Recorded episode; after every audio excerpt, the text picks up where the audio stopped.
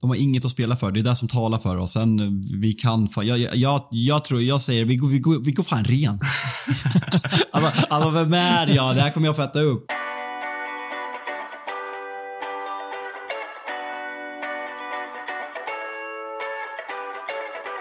Can Manchester United score? They always score. Rooney! Oh, wonderful! It's Berbatov! Marcus Rashford! Oh, glorious! That is a special one!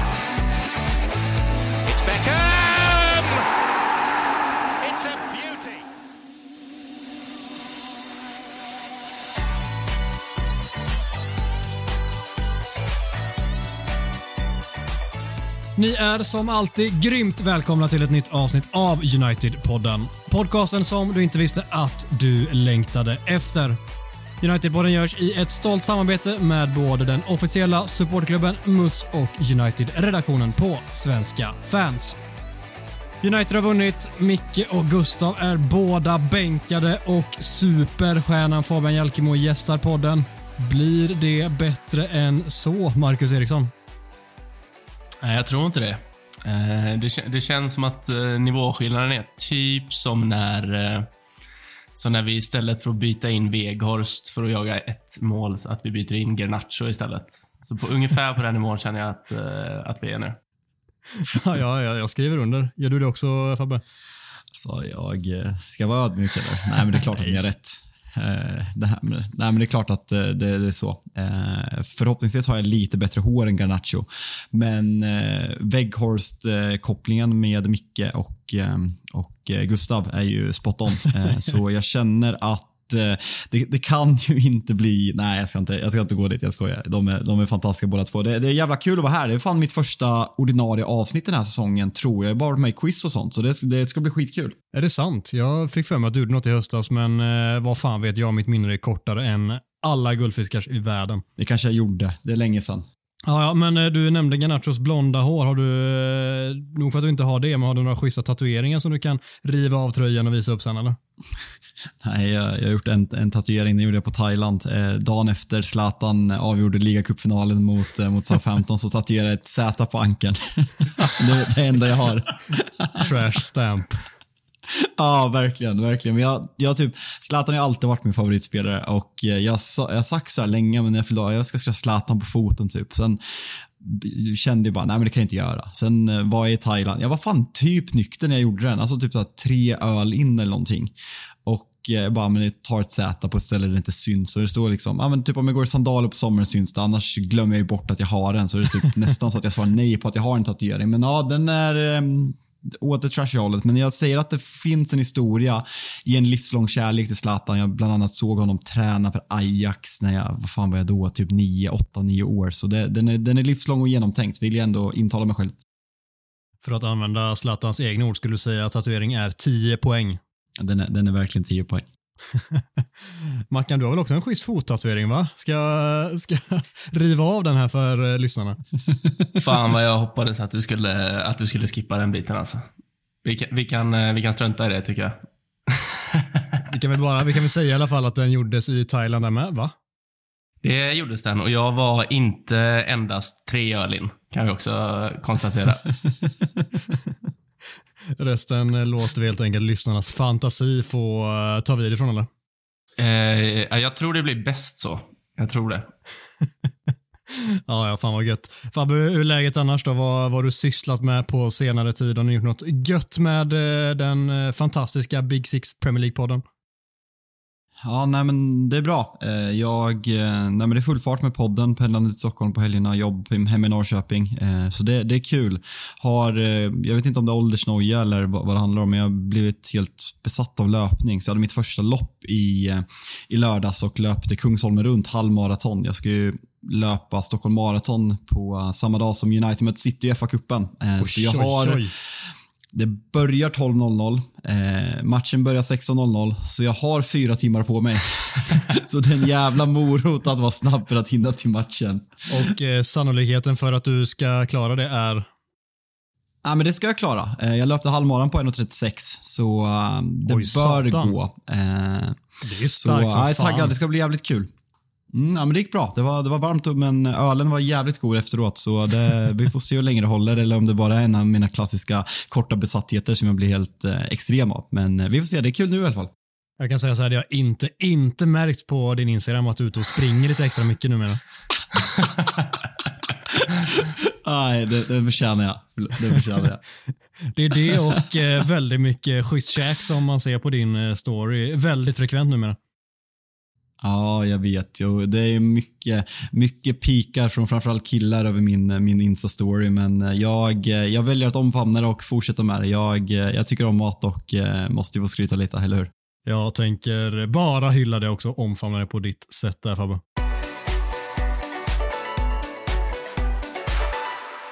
United har sjukt nog endast spelat en match sedan vi senast spelade in och det var en genomskön 2-0-seger mot Wolverhampton på Old Trafford. Och i sedvanlig ordning passar det väl gör bra att eh, inleda snacket med att bedöma spelarinsatserna via veckans macka. Det tycker jag verkligen att det är. Eh, jag tänker att eh, jag inte behöver motivera så jäkla mycket, utan jag bara går rakt in på det nu. Eh, Och, och hoppar in i näst bäst här. Eh, Ska, ska sägas att det, fram till nu har jag inte riktigt bestämt mig, utan jag kommer gå bara på känsla, på det som känns bäst att säga i denna stund. Eh, Det blir Antoni som får den. Eh, Och då tycker jag att han gör en riktigt bra match, men eh, det är helt sjukt att han inte gör mål. Eh, borde ha gjort minst ett, är alldeles för ineffektiv och eh, alltså i, i lördags var det väl inte direkt kvaliteten på avsluten utan mest att det känns lite veligt varje gång han kommer till ett bra läge. Eh, sen får han väl iväg något bra avslut som målvakten gör en fin räddning på. Eh, men allt som allt så ska det ju resultera i minst ett mål på de chanserna han har. Eh, och därför får han bara näst bäst. Kan också säga att det stod mellan honom och Varan som jag tycker gör en eh, riktigt bra comeback. Utan att eh, bedöma att han får en andra plats Fabbe, vad tycker du om Antonis insats eh, överlag? Nej, men jag tycker att alltså, han är ju en spelare som jag har, ja, men, har eh, än idag trots att insatserna har blivit bättre den senaste månaden. Jag har, det är något med honom som jag har väldigt svårt för. Sen om det är uppsynen över det visuella, det tror jag spelar in. För han ser, eh, ja, men, ursäkta uttrycket, men han ser ut som en vidrig människa. Eh, det gör han. Alltså, allt med hela hans uppenbarelse har jag ganska svårt för. Och det spelar nog in i min bedömning jag har gjort av honom som eh, spelare i Manchester United tillsammans med den extremt höga prislappen han kom med. Och jag är av den åsikten att vissa säger så här, det är inte hans fel att prislappen vad den är. Och såklart inte, men om jag, jag brukar köra det här som ett exempel, om jag köper en dansk läskfilé för 39 kronor kilot eller om jag köper en oxfilé för 599, då är jag högre för, förväntningar på oxfilén. Det är ju inte, det är inte kossans fel. Eh, så, så är det ju. Eh, Och det, det, det är inte Antonys fel att han kostar en miljard heller. Eh, men jag, eh, jag, jag, jag har typ svårt att se så här, vad han är så jävla bra på. Men vi är ju bättre när han spelar och han ska få chansen att bevisa sig de kommande säsongerna och det har blivit bättre. Men det är, det är någonting som skaver jag kan fan inte sätta fingret på vad det är. Det, det är problematiskt. Mm, han är en, en vattendelare tror jag för väldigt, väldigt många United-supportrar och Eh, jag tycker det som du säger i slutet där sätter fingret på en hel del i det. Att vi är allt som oftast bättre när han spelar. Och eh, det märks hur viktig han är för Erik Ten Hag och hur högt han håller honom och prioriterar honom att han ska in på den högerkanten i så gott som varje match trots att han inte renderar i så jättemånga poäng i slutändan. Vad han, han gjort sex poäng i ligan någonstans där på typ av spelat i princip alla matcher. Det är ju egentligen kanske för dåligt sett till eh, priset och vad det är för typ av spelare som kommer till rätt mycket lägen. Men med det sagt så flyter spelet väldigt mycket bättre och han är otroligt nyttig även i eh, det taktiska och i pressspelet där han vet precis var han ska befinna sig hela tiden och fyller en viktig funktion. Sen är det klart att vi alla önskar att han gör fler poäng och det tror jag kommer. Jag tror inte det här blir en spelare som gör 15 plus 15 i ligan på en säsong någonsin. Men det är klart att han ska upp högre än vad han ligger på nu och det är jag övertygad om att vi kommer få se om han fortsätter i, få förtroendet, fortsätter utvecklas. För det, vi ska ha med oss att det är en ung spelare som fortsatt har mycket utvecklingspotential samtidigt om man ska även säga det, vi kommer komma till det ämnet senare, men eh, han har ju drabbats, hans poängskörd, framförallt assisten, har ju drabbats över att vi inte haft en anfallare som kan prestera över 38 omgångar. Hade han haft Harry Kane exempelvis där uppe som det ryktas om i sommar så hade ju hans poängskörd sett helt annorlunda ut. Så det, det ska man ju försvara honom till viss del, att han har saknat en kontinuerlig nia, eh, vilket har varit ett problem för hela laget. Men just som du säger, man kan avsluta mot Wolves eh, är ju helt enkelt för dåliga. Förutom något avslut där Bentley, keepern i Wolves, eh, gjorde någon superräddning på i slutet av eh, andra halvlek. Men i övrigt har han ju bland annat en nick som bara ska vara mål och någon gång han viker in i banan också där han väljer att skjuta, där han kan passa och sådär. Ja, det, det, det, klickar helt enkelt inte när han själv ska avsluta, men eh, förr eller senare så gör det väl det förhoppningsvis. Mackan, du ska få chansen att eh, lyfta upp din nummer ett. Av Vem var bäst i United mot Wolves enligt dig? Ja, eh, jag, jag, tycker det är svårt att komma ifrån Bruno Fernandes. Jag tycker att han ligger bakom i stort sett allt. Ehm, gör en assist, spelar fram till Antoni som spelar fram till Martials öppna mål. Ehm, och ja, han, han, han, skapar i stort sett allt farligt. Ehm, så ja, jag, jag, tycker att han är ganska, ganska solklart detta. Svårt att uh, inte hålla med från min sida i alla fall. Ja, nej, men jag, jag, jag håller med och jag tycker Bruno på något sätt har fått en revival den här säsongen, även om poängskörden inte har varit så bra som vi var vana i när United var jävligt dåliga. För många, eller vissa, eh, så ser man på sociala medier och även fotbollstyckare som säger att Bruno Fernandes kommer aldrig kunna spela i ett lag som ska vara bäst för att han spelar med för hög risk. Men jag tycker man har sett kanske framförallt den här våren, matchen mot Sevilla som, som praktexempel, hur mycket alltså hur fruktansvärt dåliga Manchester United är utanför Bruno, utan Bruno Fernandes. Motståndarsupportrar blir provocerade av hans beteende på plan medan jag och jag misstänker ni också älskar det och man ser att hans ledaregenskaper saknas när han inte spelar. Så jag har väl vacklat lite senaste, senaste ett och ett halvt åren eh, hur viktig han är för klubben men senaste, senaste halvåret så har jag nog landat, eller har jag landat i att han är en av våra absolut viktigaste spelare som vi ska fortsätta bygga, bygga klubben vidare och han ska ju ha den där binden på sin arm nästa säsong. Det är inget snack om saken. Nej, det, jag, jag, inför matchen nu i, eh, i helgen så såg jag att han, han, han är fortfarande den spelare som har skapat flest stora chans, chanser i Premier League. Eh, det är väl han, Trippier och De Bruyne tror jag som ligger där uppe. Fan, återkommer vi till att vi inte har en anfallare Nej, jag, jag... Ser vi en röd tråd där? Ja, alltså det, det, blir ju så oavsett vad fan man pratar om. Alltså jag, jag, då tänker man ändå att han, som du är inne på, att han kanske inte har varit så jäkla vass rent offensivt som han har varit tidigare säsonger och ändå är han etta på den listan. Jag tycker det säger i stort sett allt om vilken, vilken spelare han är och vad, vad han betyder för United. Man har visat upp en bredare repertoar också i eh, många matcher där han flyttas ner och fått vara mycket mer den spelare som ska diktera tempo, bollfördelare, vilket eh, jag ställer mig frågan till om man skulle klara av åtminstone inledningsvis med tanke på den typ av riskspelare som han är och när han många gånger också när han är högre upp i banan och även när han har kommit ner emellanåt har eh, så dumdristiga grejer, ska försöka någon klack från ingenstans som sista gubbe och sådana grejer men det har han ju faktiskt överbevisat eh, mig och säkerligen många andra där till att han klarar av att behärska det spelet. Även om det såklart blir fel emellanåt så är det på det stora hela väldigt, väldigt bra. Så det är en otroligt mångsidig spelare också som kan spela både lågt ner på mittfältet, högt upp och ute på kanten också.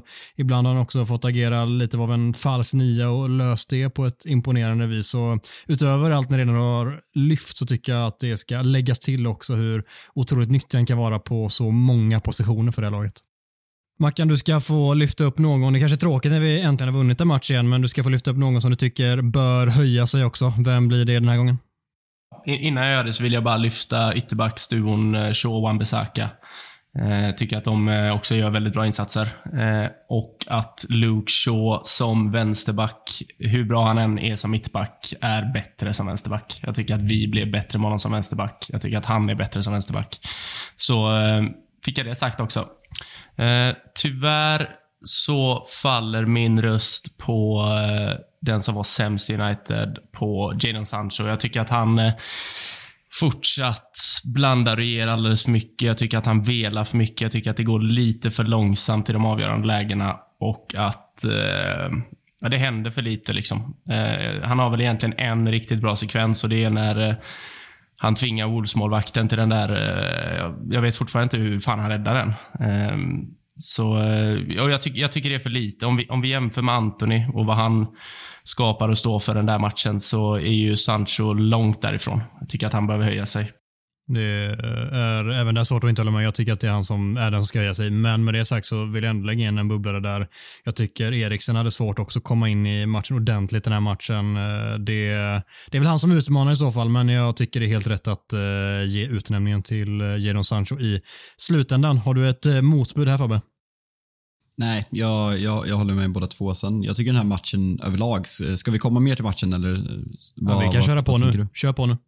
Ja, men jag tycker att det, det, är en sån svåranalyserad match och egentligen den här, den här är ganska signifikativ för hela Manchester Uniteds hemmasäsong. Att vi, vi spelar jävligt bra. Alltså man ser många är väldigt kritiska och skriker och alltså, högljudda eh, om att vi är så dåliga. Men kollar man på statistiken den här matchen så United är fullständigt överlägsna mot ett dåligt Wolves men vi kan inte få in bollen. Vi återkommer till den där jävla anfallspositionen, att vi inte kan göra mål. Eh, och jag, jag, tycker att det har varit väldigt många hemmamatcher. Alltså vårt, jag tror att vi har tappat, vi har tappat fyra poäng sen premiärförlusten mot Brighton på hemmaplan om jag inte är helt fel ute. Och det känns ju som att vi har haft, alltså så här, vi, vi har snarare fått för dålig utdelning för att vi ska, framförallt, vi har fått poängen med oss men vi, vi gör inga mål. Jag tycker att den här matchen. Jag tycker United är bra. Eh, jag, jag, tycker att folk är för kritiska till den här matchen. Jag tycker att det är en jävligt stabil hemmainsats mot ett dåligt lag. Sen ska vi göra mer mål. Garnachos mål, det är nästan så att man glömmer bort det för att det skedde så sent. Vi ska göra det tidigare, men jag tycker att fan var positiva när de förtjänar det. det. Det tycker jag folk är dåliga på bara för att vi är inne i en dålig period just nu. Får jag tillägga det att jag, jag tycker att det är överlag en bra insats, men jag tycker ju att skärpan och Alltså de tekniska bitarna i den andra halvleken är fan rätt låg alltså. Tycker att vi har ganska många chanser mellan minut 60 och 85-90 att alltså, göra två, tre mål. Och nu, nu kommer vi till det att vi inte gör mål på chanser. Jag, jag tänker mer på att vi ger bort möjligheter där vi har chansen att skapa något stort. Det är två, tre situationer där vi vinner boll och är fyra mot tre eller tre mot två och det, det leder inte till en chans ens. Eh, så, så, om det beror på kvalitet, trötthet, skärpa. Eh, alltså jag vet inte, men jag tycker att det rent tekniskt var väldigt, väldigt blandad insats av United. Även om vi har total kontroll och vinner eh, klart rättvist. Jag tycker att det absolut är så att vi går ner lite i nivå i andra halvlek, framförallt eh, i den första halvan av andra halvlek. Men jag tycker också att det är en del av egentligen alla lags matcher att alltså alla lag kommer också slarva bort någon kontring här och var, kommer missa något uppspel här och var i, var i alla matcher. Det, det hör lite till samtidigt som vi såklart ska punktera matchen. Vi har ju flera lägen till det och vi har möjligheter att skapa ytterligare lägen som du säger. Så jag, jag väljer ändå att se det på det stora hela väldigt positivt att vi med den pressen som också finns på laget i det här skedet att det finns inget annat än att ta tre poäng, att vi faktiskt gör det också. Det sitter långt inne. Det är bara en ett, enmålsledning ganska länge in på liksom 90, vad är det, 95 ish som eh, Garnacho avgör. Liksom. Och eh, då vet vi att det är en felstuds eller en de Gea-tavla eller vad fan det nu handlar om ifrån att vi tappar poängen och sätter oss i den där skitsitsen eh, i kampen om Champions League-platsen. Men vi löser tre poäng och eh, gör på det stora hela en, en bra insats och det ska vi verkligen ta med oss här nu inför de tre sista matcherna som eh, blir ruskigt, ruskigt intressanta. Mm, nej, vi, vi spelar in samtidigt som Leopold spelar mot Leicester och de har en 2-0-ledning i paus och de går mot sjunde raka så eh, det, känslan är verkligen att det kommer led, leva hela vägen in och eh, det som talar för oss är ju verkligen att vi har två, två hemmamatcher eh, där vi som sagt är ruggigt jävla starka. Eh, kollar man bara statistiken, jag kollar nu, alltså vi, vi skjuter 27 skott den här matchen mot eh, Wolverhamptons 5. Tar man matchen mot Aston Villa som fanns väl likheter men där är Villa bra mycket farligare i andra halvlek. Där är det lite slumpartiga med, med situationer som gör att vi får med oss 1-0. Här är ju, nej, men de påminner om varandra bara att vi är lite stabilare, vi möter ett sämre lag framförallt. Men hemma vi, eh, vi är stabila och det är det som gör att jag, den eviga pessimisten tillsammans med dig Marcus Eriksson, eh, ändå tror att vi löser det här för att vi har två hemmamatcher. Otroligt sagt. Och det, det, ska ju eh, tilläggas också att det räcker med två segrar på de här tre matcherna. Det är alltså Bournemouth borta och det är Chelsea och Fulham på hemmaplanet. Chelsea som är totalt klappusla som eh, jag räknar blint med tre poäng emot och sen har vi två lite halvluriga matcher mot Bournemouth och Fulham som vi bör kunna vinna åtminstone en av dem. De har inget att spela för. Det är det mm. som talar för oss. Sen vi kan, jag, jag, jag, jag tror, jag säger vi går, vi går, vi går fan rent. Alltså, alltså vem är jag? Det här kommer jag få äta upp. Men det, det som också är nice är att Newcastle och Brighton möter varandra på torsdag. Eh, och Brighton visar ju att man kan vara helt okej okay mot topplagen eh, på Emirates i söndags. Eh, så eh, hoppfull att Newcastle tappar poäng där. Eh, så kan vi vinna nästa match och vi är tre poäng för dem. Så eh, det känns bra. Det känns för bra. Mm. Vem är jag ens? ja, vem är du ens? Det, det, kan man fan fråga sig. Men eh, jag vill bara avsluta med snacket eh, kort bara och säga att eh, fan vad skönt jag har Garnacho tillbaka som kan komma in och vara den som är X-faktorn när vi inte får in den där bollen. Då visar han att han är jävligt rak i sitt spel och har kvaliteten också när eh, det väl kommer till läget. Det får vi tacka fan för att han är tillbaka.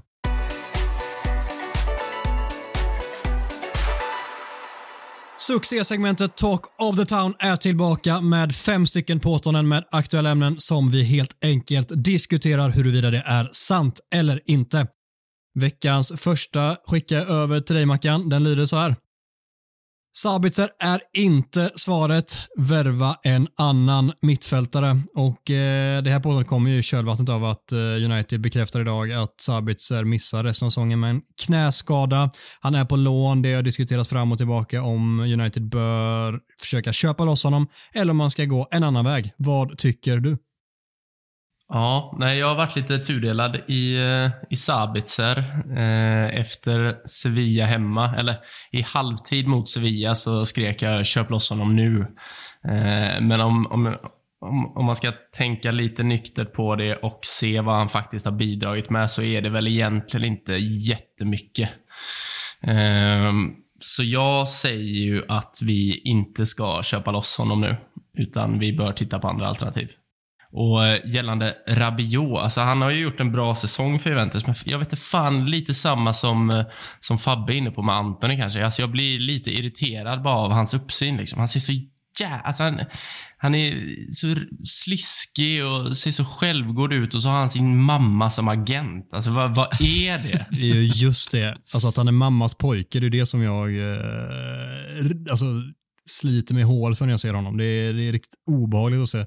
Eh, hans uppsyn på det sättet. Men som du säger, en jävla supersäsong har han gjort i Juventus tydligen och eh, kommer i så fall inom situationstecken gratis med allt vad, vad det innebär. Så det är väl honom emot då. För de som inte har koll på det ska det väl tilläggas att eh, L'Equipe, den stora franska tidningen, meddelade i veckan här att eh, United ska vara på honom och väldigt intresserade av att eh, värva honom i, eh, i sommar. Vad säger Fabbe här? Alltså jag tycker att det är en ganska stor fråga. Alltså vi måste väl landa i att Erik Ten Hag har tagit beslut att man vill ha kvar David de Gea. Och min tanke är det, alltså vi vet alla de här 100 miljoner punden som sägs vara liksom transferbudgeten eh, beroende på FFP och sådana saker. Lite oklart vem ägare som kommer in, hur mycket vi kan sälja och så vidare. Vi utgår från att Prio kommer vara en anfallare, vilket det kommer vara. Ska man då värva en, ja, en spelare i Rabiot eller Sabicec kaliber som på något sätt blir en ja, men en eh, startspelare på något sätt tillsammans med Christian Eriksen, kanske en rotationsspelare där men ingen liksom Frenkie de Jong-status. Det valet måste man göra tidigt och veta hur mycket pengar som finns. Jag känner ju som ni med Rabiot, alltså United var överens med Juventus med transfersumman förra sommaren men han krävde för hög lön och det, det, känns som att Erik Ten Hag, något som han har gjort väldigt bra, han har värvat karaktärer, han har värvat Casemiro, han har värvat Lisandro Martinez, han har värvat Anthony som vi vet att vi får, vad vi får för. Christian Eriksen också, liksom gnäller inte, bidrar med moral och det är lätt att glömma. Vi garvar åt Chelsea nu, men fan, vi var inte riktigt där, men det, det, var lika hopplöst att kolla på Manchester United i slutet under, under, eh, fan heter han, Ralf Rangnick eh, i slutet av förra säsongen. Fan heter och, han? Eh, nej men jag, du ser, jag förträngt de, de, de där månaderna Eh, sånt, eh, det, det är blurrigt. Det, är blurrigt. Eh, nej men alltså vi, det känns som att värva Rabiot eh, känns som att gå, gå helt fel väg mot vad Erik Ten Hag har gjort. Något som han har gjort, att vi liksom byggt upp ett lag man kan tycka om. För det, det där laget som spelade i våras, det, det var inget Manchester United jag tyckte om. Så därför är det varningssignaler deluxe för mig gällande Rabiot. För han har en historia i ja, men både PSG, landslaget och Juventus att liksom vara stökig. Eh, och som ni säger, det här med mamma, agent, girig, fri transfer kommer kosta jävligt mycket sign-on plus en hög lön. Så nej, för mig är det väldigt mycket varningsflagg. Vad säger du då i frågan eh, Sabitzer? Tycker du att det borde vara ett alternativ att köpa loss honom för en okej okay peng i så fall?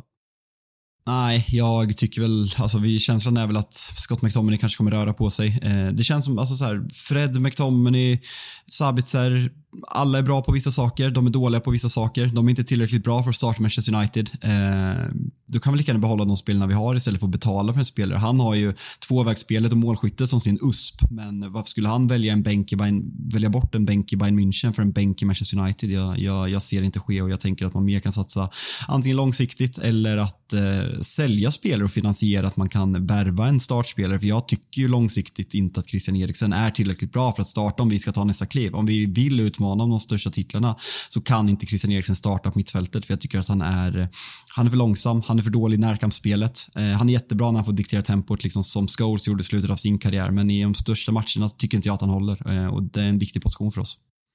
Mm, i, I vissa roller och vissa matcher så äh, väger han lite lätt Eriksen, det håller jag med om. Vad gäller Sabitzer så eh, är jag helt med där. Jag tycker inte heller att det är, även om jag också har vacklat där mm, i takt med hans insatser, men när man då summerar det och inser att man har vacklat så mycket, då tycker jag inte att det är värt det i slutändan. Jag hade önskat att jag var mer övertygad vid det här laget för att känna att det var värt att lasta vad det nu skulle handla om, kanske 25-30 miljoner pund på, på Sabitzer. Eh, då, nej, då, då är det inte värt, värt att titta någon annanstans. Rabiot, jag har sett för lite Juventus, men han har ju tydligen varit så jävla bra där i år och det får en ändå att börja fundera, kan det vara värt det? Är han en annan person? Har mognat lite nu? Vem fan vet? Jag, jag är orolig, men tycker Ten Hag att det är en bra idé, då litar jag fan blint på det också. Jag, alltså, hittills har jag svårt att kritisera någonting beslutsmässigt han har tagit när det kommer till eh, transfers in. Det, det här kanske i så fall blir hans eh, första misstag, men än så länge så har jag ingen anledning att tvivla på honom. Så väljer han Rabiot-vägen så tänker jag backa det. Jag trodde du tyckte att det var ett misstag att sälja Krickan i januari. ja, jag stod längst ut på barrikaden och vrålade att det var ett misstag att släppa Ronaldo. Nej, det var fan men inte så det var.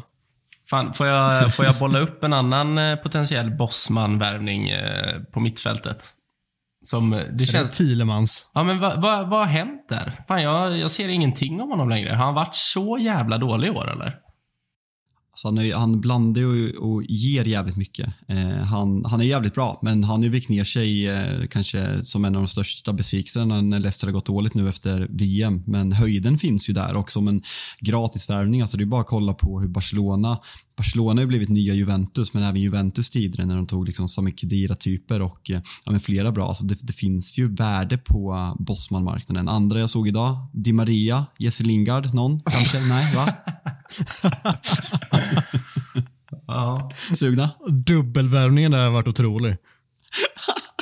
Fy fan. Oh, Do otroligt. it for the banter. I år var er chans Arsenal. Nästa säsong blir ni som bäst trea. Vad säger du Fabbe? Är det så? Nej, men det är så jävla skönt att sitta i en United-podd. Jag, jag har fått så mycket DM från Arsenal-supportrar i år när jag, när jag varit kritisk mot dem. Eh, och eh, Det är så skönt att här kunna säga exakt vad jag tycker. Alltså Arsenal hade sin chans här. Alltså Arsenal, jag håller inte Arsenal knappt som favorit i topp fyra nästa år. Alltså att de har vikt ner sig så här som de ändå har gjort de sista, de sista tio omgångarna. Och det var kul för jag, jag satt och kollade på Monday Night Football nyss med Carragher och eh, Neville eh, innan vi började spela in. Och eh, liksom det har ju blivit en sanning att ja, men det är på grund av att William Saliba inte att han har blivit skadad. Och de tog upp snittet. Alltså de sista matcherna, de sista tio matcherna William Saliba spelade efter VM så snittar Arsenal exakt lika många insläppta mål som de har gjort sedan William Saliba gick sönder. Skillnaden var att Arsenal snittade 3-4 mål offensivt i de här tio matcherna. Så det här har ingenting med det att göra. Det är att Arsenal har blivit sämre, att man inte är van med den här situationen och att man har vikt ner sig samtidigt som man inte haft något Europaspel eller gått långt i kuppen att tänka på. Nästa år kommer man ha Champions League. Det finns ingenting i min värld. Sen, respekt för Arsenals säsong, vill jag vara jättetydlig med, även i den här podden. Det har jag verkligen. De har gjort det fantastiskt bra och de har fått ett, ett helt Emirates att koka och tro på saker. Men jag, jag, jag tror att man gjorde, man hade sin chans här. Eh, sen ska City ha cred för deras avslutning helt otrolig, men Arsenal hade sin chans här. Jag har svårt att se att den kommer tillbaka på väldigt länge. Mm, jag eh, håller med dig. Det var därför jag kände att vi ville slänga in den här också. För Jag tror verkligen genuint att det här var Arsenals chans. så att säga. Det är klart att de kommer få chansen att vinna ligan någon gång i framtiden igen, men i närtid så tror jag genuint att det här var den chansen de fick, likt som de hade året Leicester vann. Det var i slutändan Tottenham som var där också, alla längst fram i slutet. Men Arsenal var med väldigt länge. Det dyker upp sådana chanser ibland för sådana här normalt sett mittengäng som Arsenal. De kan komma upp och ta en titel någon gång då och då. Men i år hade de chansen, de lyckades inte och jag tror genuint att de får väldigt svårt att uh, vara nära titeln i, i slutändan kommande säsong. Utan då är det topp fyra de får fightas om och uh, det tror jag absolut att de blir en såklart en, en het, het kandidat. Det är fortfarande ett väldigt, väldigt bra lag Arsenal. Men eh, för att lyckas utmana de allra, allra bästa närmsta åren så krävs det mer än vad jag tror att de har i sig. Ja, alltså kollar man på Premier League så, alltså om man kollar Liverpool kanske framför allt, så de, de har ju en otrolig högre Chelsea kommer ju man skratta åt nu med all rätta, men de kommer bli otroligt mycket bättre för de har ju i grunden bra fotbollsspelare. Erik Ten Hag kommer få mer tid att bygga eh, så, och det är ju i grund och botten tre klubbar med bättre ekonomiska förutsättningar än Arsenal. Men om jag frågar dig Mackan, vi hade den här diskussionen i, i ett program eh, för någon vecka sedan om, om, om vi leker med tanken att United säkrar topp fyra, eh, om, om eh, vilka gör en bäst säsong? Alltså handlar allt om att vinna, eh, att vi har vunnit kuppen eller handlar det om liksom tron som de har haft, att de har haft 30, 36 omgångar där de har kunnat drömma om ligatiteln. Vilka, vilka gör den bästa säsongen tycker du? Uh, alltså jag, jag, tycker det är lite lurigt, men i slutändan handlar ju ändå fotboll om, om att vinna. Uh, så jag, jag tar ju hellre en säsong med en uh, fjärde eller tredje plats och en ligacuptitel eh, en, en eh, andra plats efter man har toppat tabellen i 265 dagar liksom och slutar upp med noll titlar. De, de åkte väl också ut samtliga kupper väldigt tidigt va? Ja, stämmer. Mm. Ja, så det, det, säger ändå någonting om någonting. De har ju liksom lagt allt sitt krut på Premier League och så går inte det i hamn heller. Eh, så även om det är en bra säsong så hade den ju kunnat vara bra mycket bättre. Eh, och jag tycker att Alltså jag tycker att i grund och botten innebär ju andra platsen och fjärde platsen samma sak. Det är Champions League. Eh, om vi då lägger till en titel, eller kanske till och med två titlar på det, eh, så, så väljer jag det varje dag i veckan. Det handlar om att vinna och det har Arsenal inte gjort i år. Med det sagt, som du också sa Fabbe, att de har en jag skulle sträcka mig till att de har gjort en jättebra säsong. Man kan säga bra, jag säger jättebra, för det har de verkligen gjort. Men viker de ner sig och landar på noll titlar och en andra plats slutända, då har de ju gjort en United-säsong under Mourinho som han tyckte var sin bragd-säsong någonsin. som eh, Solskär när han slutade tvåa också och inte tog någon titel. Alltså i slutändan är ju resultatet, det hårda, de hårda siffrorna är ju precis samma sak. Och sen är det klart att jag, jag fattar att det låter dumt med tanke på hur mycket bättre Arsenal har varit, hur mycket närmare de har varit titeln och hur mycket mer Arteta har fått hela den klubben att bubbla och tro på saker och ting igen och det ska man inte underskatta.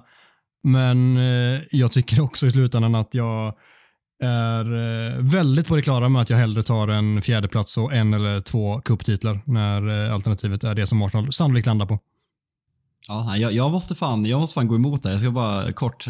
Kommer vi fyra och vinner ligacupen så hade jag hellre tagit Arsenal säsong. Just liksom ja, men att drömma. Alltså jag, jag saknar så jävla mycket att drömma som supporter. Alltså, det är så jävla länge sedan vi fick drömma. Alltså, alltså bara den här att gå in och kolla på Manchester United och den här nerven att vi slåss om en ligatitel. Han, Arsenal har haft det i 36, 36 omgångar och jag som supporter hade valt det för en ligacup-titel. Liga Sen tar vi dubbeln och slår City i FA-cupen. Då är det no-brainer. Då gör vi såklart en bättre säsong. Men just eh, Arsenals säsong hade jag valt för eh, ligacup-titel och topp 4. Jag tänker också att det kanske lite beror på var man kommer ifrån. Alltså ett, eh, vi säger ett, lek med tanken att ett City hade gjort eh, vår säsong med alla förutsättningar de har och hur bra de har varit tidigare år. Till skillnad från vad United kommer ifrån med alltså Ragnik mm. och Ole farsen i ryggen det är klart att vi är väldigt mycket mer nöjda med en sån här sång där vi får en titel och slutar topp fyra än vad ett City hade varit i den sitsen till exempel. Så det handlar väl om lite grann om förutsättningar också och eh, då väljer man ju såklart sitt eget lag här och, och prioriterar det. Sen, eh, eh, ja, man är väl inte mer, mer färgad än så i slutändan. Nej, nej jätterimlig take. Alltså det går ju att ta Liverpool som exempel också. De hade nog också valt ligacupen eh, innan eh, City också för att de har liksom varit i toppen. Men vi är så jävla svältfödda på att eh, just slåss om ligatiteln. Det var, det var för länge sedan. Mm. Och vi är också väldigt svältfödda på titlar. Det var så otroligt länge sedan så därför var det så otroligt viktigt för oss att, att vinna en titel ja. som vi faktiskt gjorde i år. Och eh, därför blir det väl för oss också ännu viktigare att, att just göra det. Så då håller man med det lite högre i alla fall, jag och uppenbarligen Mackan också.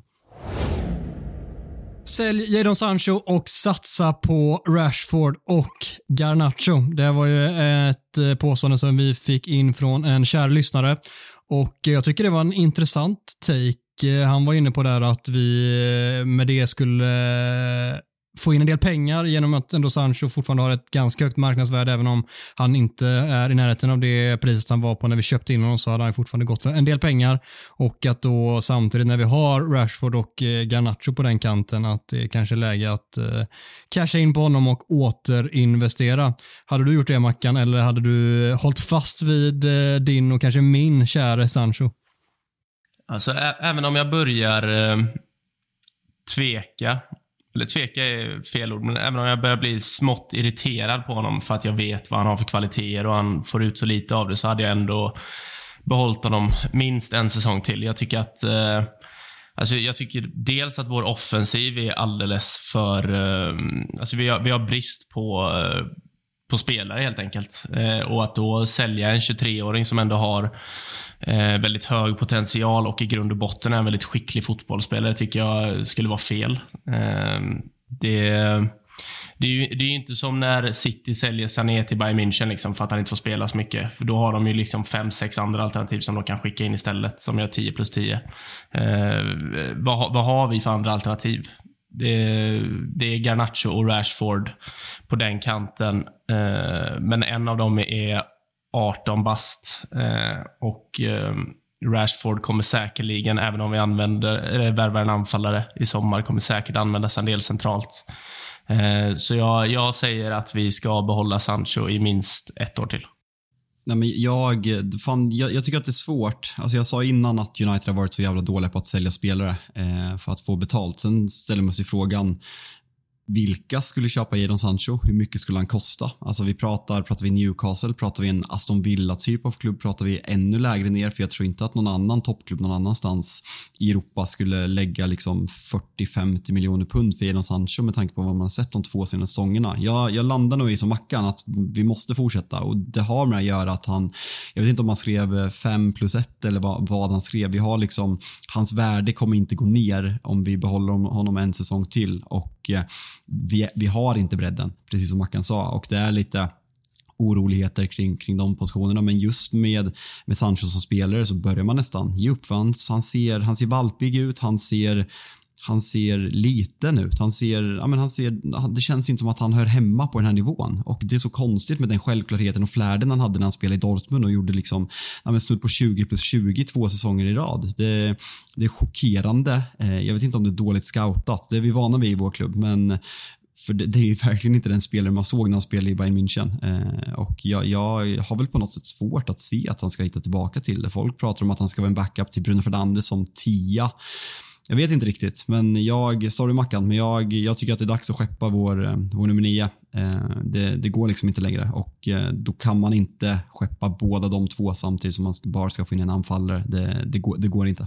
Nej, jag tvivlar på Sancho mer och mer, men inte på hans talang utan på om han faktiskt kommer få ut den i, i, United. Men med det sagt så landar jag också i att det är klart att han ska få en sång till och framförallt vill jag se honom i ett i ett ännu mer välfungerat eh, välfungerande anfallsuppsättning med en nummer nio, återigen den nummer nian.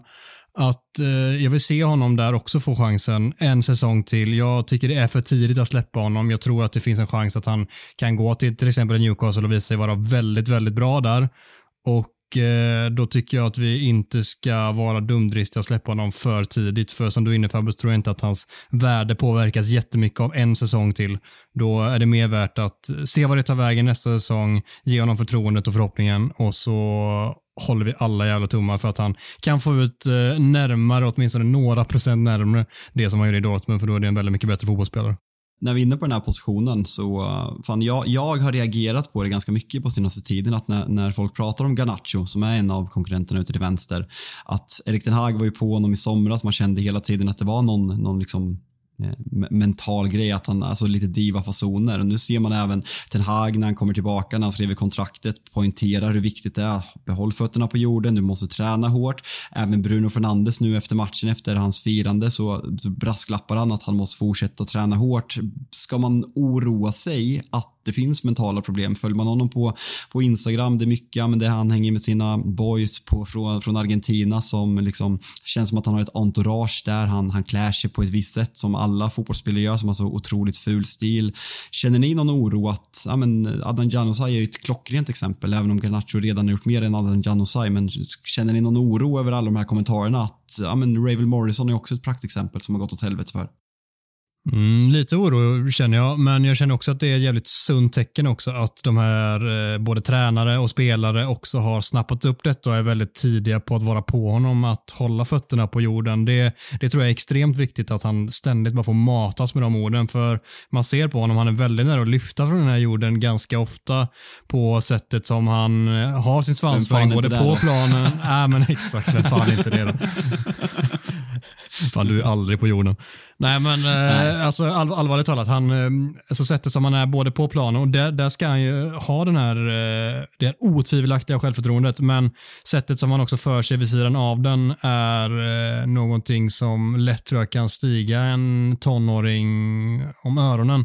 Och Då är det så otroligt viktigt att ha de här ledargestalterna runt omkring sig som hela tiden kan eh, ha det kritiska ögat och säga till en, liksom, nästan så här, kasta ett lasso runt en och bara hålla fast den. Fan, du flyger inte upp härifrån utan du ska ner på jorden och göra det hårda jobbet så kommer du få utdelning för det sen. Men eh, ta det lite, lite piano därifrån och jag, jag ser det som ett sunt tecken i slutändan. Det är klart att det finns fog för oro när man har sett hur andra spelare kan, vad de kan ta vägen, men jag känner mig trygg med att han har en, en bra omgivning här. Ja, nej, men jag, jag, jag är på ditt spår, Adam. Jag tror, jag tror att jag hade varit bra mycket mer orolig om han hade kommit in i Manchester Uniteds trupp och slått igenom förra året. Eh, det, det känns som en, eh, en väldigt svag trupp rent karaktärsmässigt utan, eh, utan tydlig ledare. och ehm, det, det, det, Där har vi ändå fått tydliga förbättringar i året i Casemiro, i Lisandro, i Ten Hag. Um, så jag, jag, tror att han... Uh, vem fan hade inte velat sväva upp bland målen när man är 18 bast och slår igenom i United? Liksom? Det är svårt ja. att inte göra det. Uh, Vem hade inte velat blondera sig, tatuera hela kroppen? Liksom? Fixa tänderna. Fixa tänderna nu också. Ja, fi fix Frågan om man åkte till Liverpool och gjorde det där. hört, Han hörde med Firmino. ja, exakt. Ja, nej, men jag, jag, inte, jag väljer ändå att försöka se det här eh, alltså, så, så pass så pass positivt som det går. Han är, han är 18 år, han har slagit igenom en av världens största klubbar och eh, fan ska bli, ska bli pappa snart också. Det kanske kan också hjälpa honom att mogna lite. Eh, så, Nästan ännu mer varningssignaler ja, att han blir pappa. Det är så jävla, det är så jävla, det ser så jävla trashigt ut när han står där med så här gender reveal med den där. Och bruden har ju samma lugg som han fast kolsvart istället. Nej, jag vet inte vad. Ja, och de, jag läste någonstans också, alltså, här har jag ju inte varit källkritisk ska gudarna veta. Det gillar vi.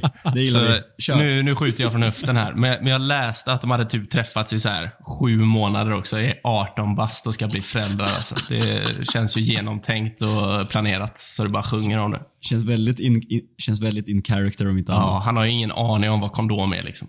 Han vet ju inte det. men vi älskar honom. Ja. ja. Men så är det, alltså, så här, Sterling var han två, tre barn han var 21. Alltså jag vet inte om det där, det där, det där kan ha varit en myt. Jag vet, det jag kan läst någonstans. Ja. Ja, det kan absolut på tal om att vara källkritisk. Jag för mig att jag läste att, att det, där, ja, men det var verkligen så här, det, var, det vart fakta. Sen var så här, nej, ja, men det var så här att han var skild med två, något sånt. Det var något som var en myt i alla fall. Så han bara, fan, det, är, det är snack som har gått, det är inte ens sant. Däremot är väl, eh, var inte Foden, blev inte Foden pappa jävligt tidigt? 17, 17 18? Jo. jo, ja. Det, det ringer klockor. Ja. Det har gått ja, ganska bra för honom. Jag tror han var 17-18, ja, men eh, tonåring tror jag han var i alla fall. Men ja, det har gått hyfsat för honom ändå. Han har lyckats hålla sig på jorden. Och vi har ju veckans Town Hall kvar. Den eh, punkten eh, skippade förra veckan för vi körde ett riktigt ordentligt frågebatteri så vi har inget att plocka upp från förra veckan. Men eh, vi har ju en att lyfta upp som ni ska få vara med och eh, kommentera och tycka till om på fredag. Veckans Town Hall lyder så här. Marcus Rashfords briljans har sminkat över Uniteds till korta kommanden. Här vet jag att Fabian Jalkemo har en och annan åsikt. Alltså, i grund och botten har jag nog inte så jävla mycket åsikter. Jag har mer att jag har börjat ställa mig den här frågan. För om vi, om vi spolar tillbaka tiden. Jag var på plats mot eh, när United slår ut Barcelona i 16 i Europa League och man kände sig, ja men jag kände en kärlek till ett Manchester United-lag som inte jag har gjort sen Sir Alex Ferguson. Det var, det var liksom ja, men jag, jag känner en kärlek till Erik den Hag, det gör jag fortfarande, men ni vet det här, vad fan heter Twitterkontot, Alternativ United Commentary med Ball is best. Alltså bara så här, man, mm. ja, men jag, jag kände sån kärlek, jag har inte sett fram emot att se Manchester United spela fotboll på så oerhört länge. Eh, och sen så kom den här, eh, ja, men jag vet inte om det egentligen börjar med den matchen vi inte pratar om som spelades på Anfield. Eller om det började lite innan där och efter det så vet vi att på hemmaplan det har inte sett lika bra ut. På bortaplan så talar facit sitt tydliga språk. Jag tycker även att prestationerna har ja, men, dalat otroligt mycket. Jag har inte sett fram emot lika mycket att se Manchester United och då har jag ställt frågan till mig själv att var det Rashfords fenomenala form som kanske dopade Manchester United? Att vi kanske inte var så bra som vi trodde, att Erik Ten Hag inte har varit så briljant som vi lurade oss själva att, att tro i den här perioden och början av säsongen. Att vi kanske är ja, men, knappt bättre. Vi, vi, vi, är jättemycket bättre än förra året, men att vi, vi överhypade otroligt mycket och nu när Rashford har dippat i form, vilket är superrimligt för han har spelat varenda minut, han har spelat halvskadad känns det som, han har gjort sin bästa säsong i karriären och det är rimligt att han dippar i form, det, kom, det kommer han alltid göra. Är det liksom, har vi lurat oss själva eller vad, vad, vad känner ni? Jag, jag säger inte att vi har det, men jag har börjat ställa mig själv frågan för jag jag, ser inte, jag känner inte den, nu låter som ett världens största medgångssupporter, jag pratar bara känslor nu, inte liksom medgång. Men eh, ni vet så här, men man känner olika för olika lag och man ser fram emot att se sitt lag olika mycket. Vi vi tre såg i premiären mot Brighton och då var det så här, jag vill inte se det här laget. Alltså när man hade förra säsongen i minne. jag, vill inte, jag vill inte planera min lördag efter att se det här jävla rövgänget. Sen, vi är fotbollssupportrar, vi kommer alltid se laget hur det än går. För det, det är det vi gör och det är det som är så jävla vackert med fotboll. Men Ja, nu har det en jävligt lång frågeställning. Ni får, ni får säga vad ni, om ni har tänkt lika eller vad, vad ni känner. Fan vad luddig jag är, sorry. ja, jag tänkte kliva in och vara den här eh, tråkiga som inte är särskilt edgy alls och säga att sanningen ligger garanterat någonstans där, mitt emellan. Det är absolut att eh, det inte är så att eh, vi ska vara alltför ifrågasättande Eh, till hur bra United faktiskt är. För jag tycker att vi ser ett så otroligt mycket bättre Manchester United den här säsongen där det successivt blivit bättre och sen sista tiden absolut sämre. Men det är också en frukt av att vi har spelat 200 000 matcher och kanske inte riktigt har truppen eh, fullt ut för att klara av det över 2000 matcher. Då, då tycker jag det är rimligt. Men på det stora hela, om man zoomar ut och tittar på den här säsongen så är det ett så mycket bättre Manchester United än vad vi har sett på så många år och ett lag att tro på så mycket mer.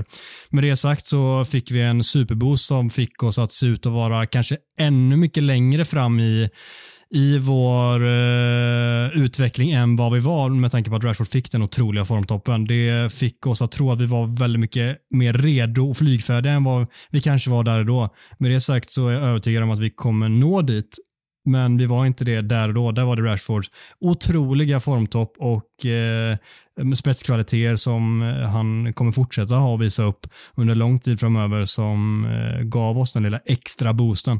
Så eh, jag tänker vara den där tråkiga och säga att sanningen ligger någonstans mittemellan. Det är inte svart, det är inte vitt, det är grått. Fan, det, är, det är svårt att säga varken ja eller nej. Men jag, alltså också det, det, är lätt att glömma, men typ samtidigt som Rashford börjar dala en aning så känns det som att fler spelare dalade samtidigt. Alltså, Casemiro har inte varit sig själv sen, sen ligacupfinalen i stort sett. Eh, det är ändå en ganska lång period och han tillsammans med Rashford var väl i stort sett vår absolut bästa spelare eh, månaderna dessförinnan. Mm. Eh, sen tappar vi... De Gea vacklar betydligt mer. Det också. Eh, Lisandro Martinez går sönder. Rafael Varane går sönder. Eh, Christian Eriksen är borta. McTominay går sönder när han faktiskt spelar helt okej. Okay. Eh, Garnacho går sönder. Gar ja, precis. Martial. Fan vad rimligt det låter helt helt. Fan vad skönt att sitta och, alltså det, det är så jobbigt i Big Six för, du låter säger att det är jobbigt, men det blir så här att folk, folk klagar på att ah, men det är så mycket United. Då blir det så att jag typ ber om ursäkt när jag pratar United så att man blir så här, man vill bara spida på. Nu, eh, fan, fint att ha er som psykolog. Du behöver den här terapitimmen oftare, det märker vi. Jag, Ja, verkligen. jag känner att jag är alldeles för rimlig i mitt svar här. Alltså, egentligen, min personlighet borde ju bara säga ja liksom. Och så punkt efter. Eh, men, men om man... Jag är för rimlig i mitt svar, det är sjukt sagt. om, om man tänker ett extra varv varje gång, som jag, som jag har en tendens att låta bli, eh, typ efter slutsignal direkt, så får man ändå konstatera, har vi spelat 58 matcher i år? Eh, och vi har en skör trupp som, som, eh, som skiljer alldeles för mycket i kvalitet. Det, det är rimligt att det, att det svajar, liksom, eh, om, om man ska gå in och kolla på det noggrant. Sen kan jag väl tycka att Alltså jag kan rent spontant tycka att det ska inte kunna skilja så mycket i prestationer eh, som det har gjort de senaste månaderna. Jag tycker att eh, någonstans måste man ha en, en eh, högre lägstanivå. Det, det är väl där vi skiljer oss. Jag tycker, att vår, jag tycker att vår högsta nivå fortfarande är väldigt hög, men jag tycker att vår lägsta nivå är skrämmande låg. Ehm, och Den är typ sämre än Chelsea.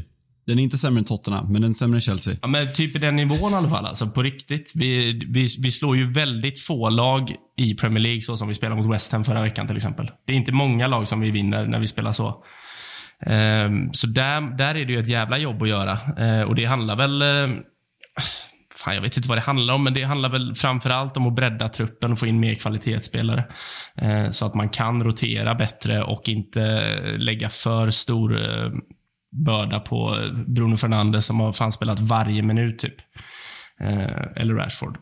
Sen, det, det där är svårt också, så här, för man, jag, jag har ju sagt samma sak, alltså att vi har 11, 11, 12, 13 bra spelare. När vi gör byten så blir vi alldeles för dåliga, men kollar man på de här spelarna, Fred är typ ordinarie, eller har varit ordinarie i Brasiliens landslag, Sabitzer, ja, men Österrikes landslag, liksom dominant spelare där, eh, McTominay, stjärna i Skottland. Alltså, det är inga dåliga spelare på pappret. Wout Weghorst kan vi väl vara överens om att ja, men det var lite, Stjärna i det var Holland. lite kul i, det, var- ja, men det var lite kul i början. Han var lite bra på att pressa, han löpte lite, men han är inte tillräckligt bra för att spela Manchester United. Det, det väl bara att vara överens om det. Men kollar man på de andra spelarna, Jadon Sancho, alltså kostade miljarden. Eh, alltså, så, då, spelarna bör inte vara så dåliga som man själv, ni, jag, har sagt att man, när man klagar på, på bredden i truppen. För på pappret är bredden inte så jävla dålig, men den känns usel för det blir sån markant skillnad. Som ni säger, jag tycker Luke och Vigge har gjort det jävligt bra som mittbackar när Varann och, eh,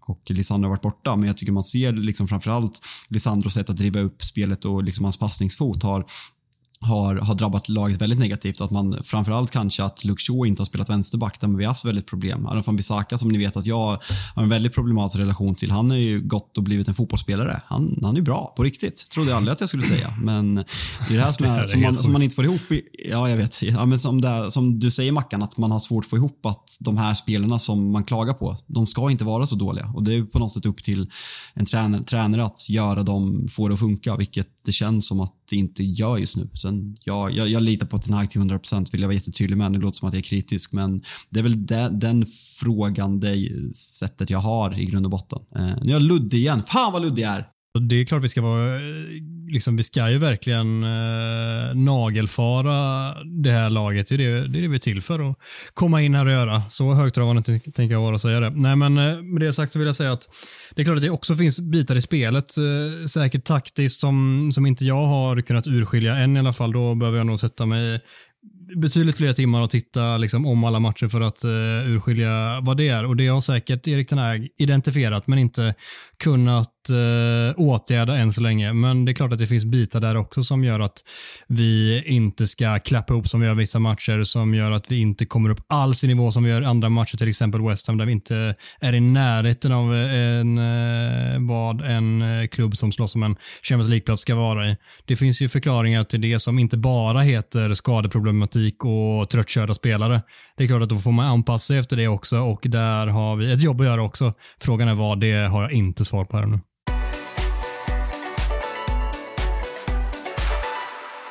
På lördag klockan 16.00 har United chansen att lägga ena handen på Champions League-platsen när Bournemouth väntar på bortaplan. Här har Mackan för ovanlighetens skull satt ihop en egen tappning på motståndarkollen lite på uppstuds. Ja.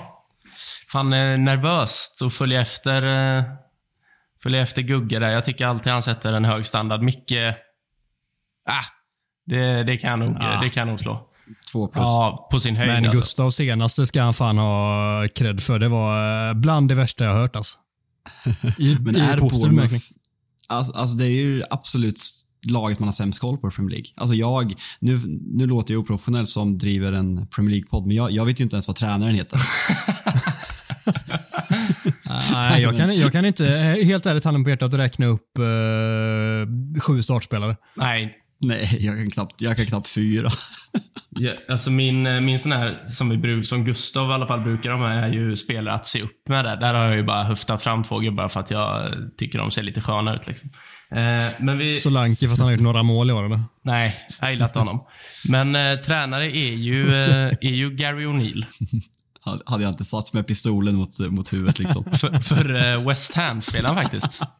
Det kan man lätt glömma bort. Men det jag, det jag skulle säga var att de säkrar kontraktet nu eh, i helgen eh, med tanke på andra resultat. Eh, så nu är de klara och det trodde väl egentligen inte en jävel efter 9-0 borta mot Liverpool i, när var det? Början, mitten av augusti.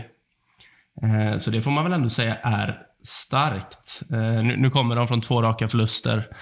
Förlorar fan mot Chelsea, eh, säger väl det mesta. Eh, 3-1 Det är hemma. faktiskt helt sinnessjukt. Är det, Ja. är det Chelseas enda typ mål och trepoängare på hela året? Alltså jag, tror, jag, tror, jag, tror, jag tror att de har typ tre vinster efter VM. Det är. Sinnessjukt. alltså.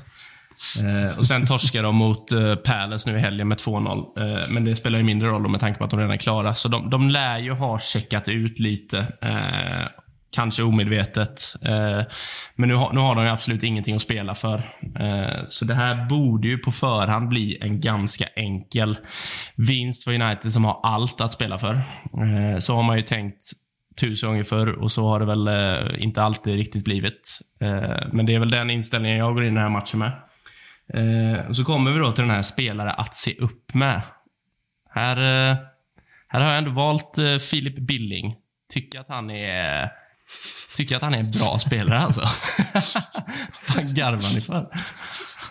Sa ingen någonsin. Gillar ni inte honom? Jag, tyck, jag tycker på allvar att han är ganska bra alltså. Ja, men det, det, det är så jävla gött att så här, när vi ska leta spel att se upp att landa Filip Billing. Det är bland det sjukare jag varit med om. Ja, okej. Nej, Jag tar väl ändå. Men jag, jag tycker att han är, han är en fullt god, eh, fullt god, fullt godkänd eh, Premier League-spelare som säkert har, eh, säkert har en, en höjd i ett lag som Nej, han har kanske inte högre höjd. Ja, men Palace tänkte jag säga, men det är ju fan på samma nivå. Eh, sen, sen, har jag också, Ja, sen har jag också sagt eh, Dango Ouattara här eh, har jag eh, följt noggrant den här säsongen.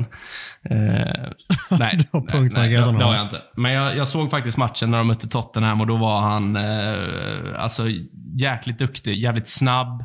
Eh, vill gärna utmana och dessutom, eh, dessutom väldigt rivig och bra i pressen.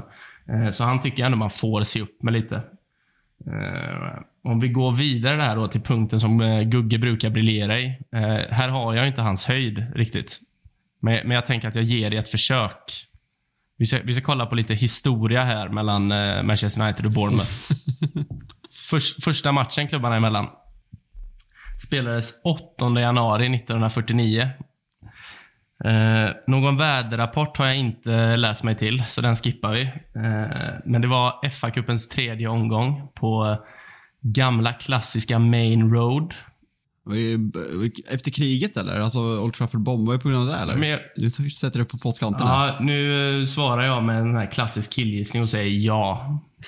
Mic- Micke Österdal, Mi- Micke Österdal som jag vet lyssnar på podden får ju kommentera hur det låg till här känner jag. Det, det, Ja, det, det, Ge oss en utläggning vet- mycket som vanligt. det, det var det här, jag skrev upp det här när jag satt där och så bara, fan ska jag stryka skit? Jag vill inte ha någon jävla lektion av Österdal på Twitter här. Även om jag älskar när Gugge får det. Eh, Men eh, åt- 8 januari 1949, Main Road, 53 000 åskådare. Slutresultat då killar? Vad, vad tror vi? Vann United eller Bournemouth?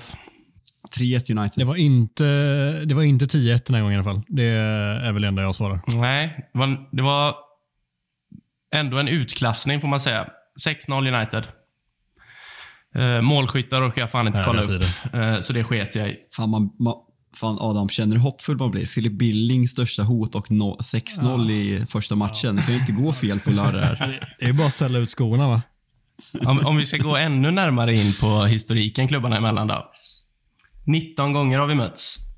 United har vunnit 13, kryssat 3 och då förlorat 3 matcher. Eh, senast den här säsongen möttes vi den 3 januari. Eh, tar ni slutresultatet där eller?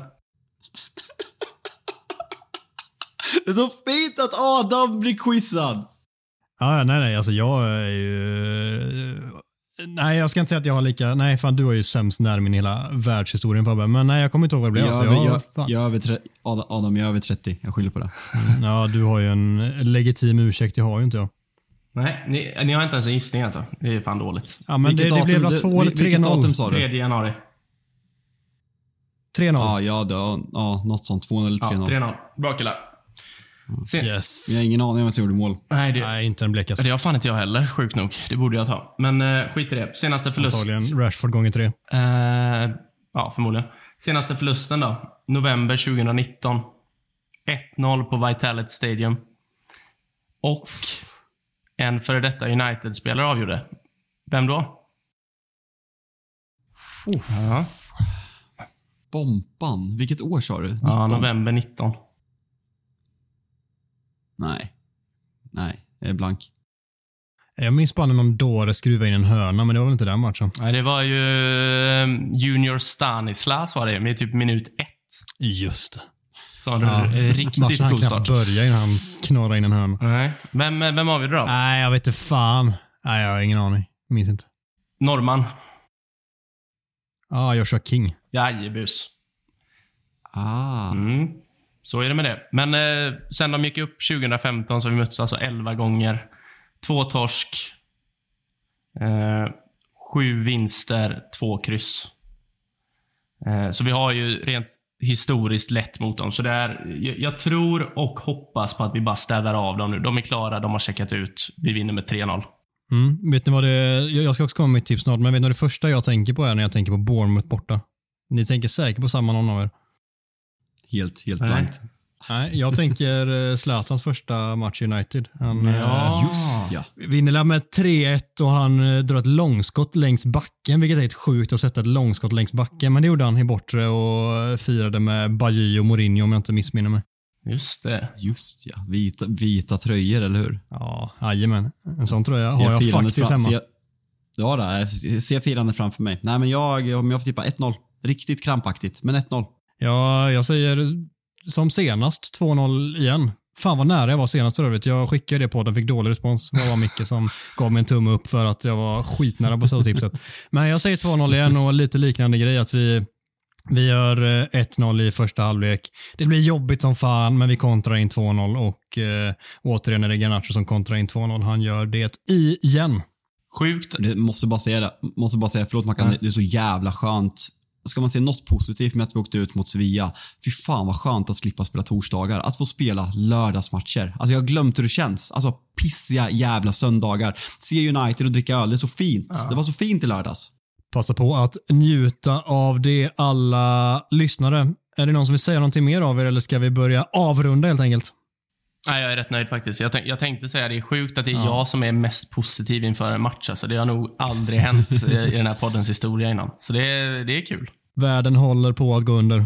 Ja, jag vill be om ursäkt för hur luddig jag har varit i mina frågeställningar. Men jag, fan, jag känner jag, jag har behövt prata av mig. Så jag vill, jag vill tacka er först för inbjudan, men eh, att ni har varit liksom, ja, men som en psykolog för mig här. Att bolla mina tankar och svara på mina luddiga frågor. Det, ni har gjort det, ni har gjort det, Det jättebra. det, det har märkts att du har haft så otroligt mycket att få ur dig, att du bara matar ur orden utan att ha någon liksom tanke bakom vad du ska säga. Utan bara alla tankar och känslor kommer på samma gång. Och det Ja. älskar vi. Ja, jag hoppas det blev bra. För jag vet inte fan, jag vet inte fan om jag vågar lyssna på det här sen. ja, med det sagt så ska vi såklart eh, säga att vi är jättetacksamma för att ni lyssnar på det här avsnittet. In och följ United-podden, in och följ Big Six, in och följ Fabian Jalkemo på Twitter och eh, framförallt fortsätt följ oss och lyssna på våra avsnitt. Då blir vi jätteglada. Med det sagt så önskar jag er en fortsatt trevlig vecka och säger som vanligt, ta hand om er.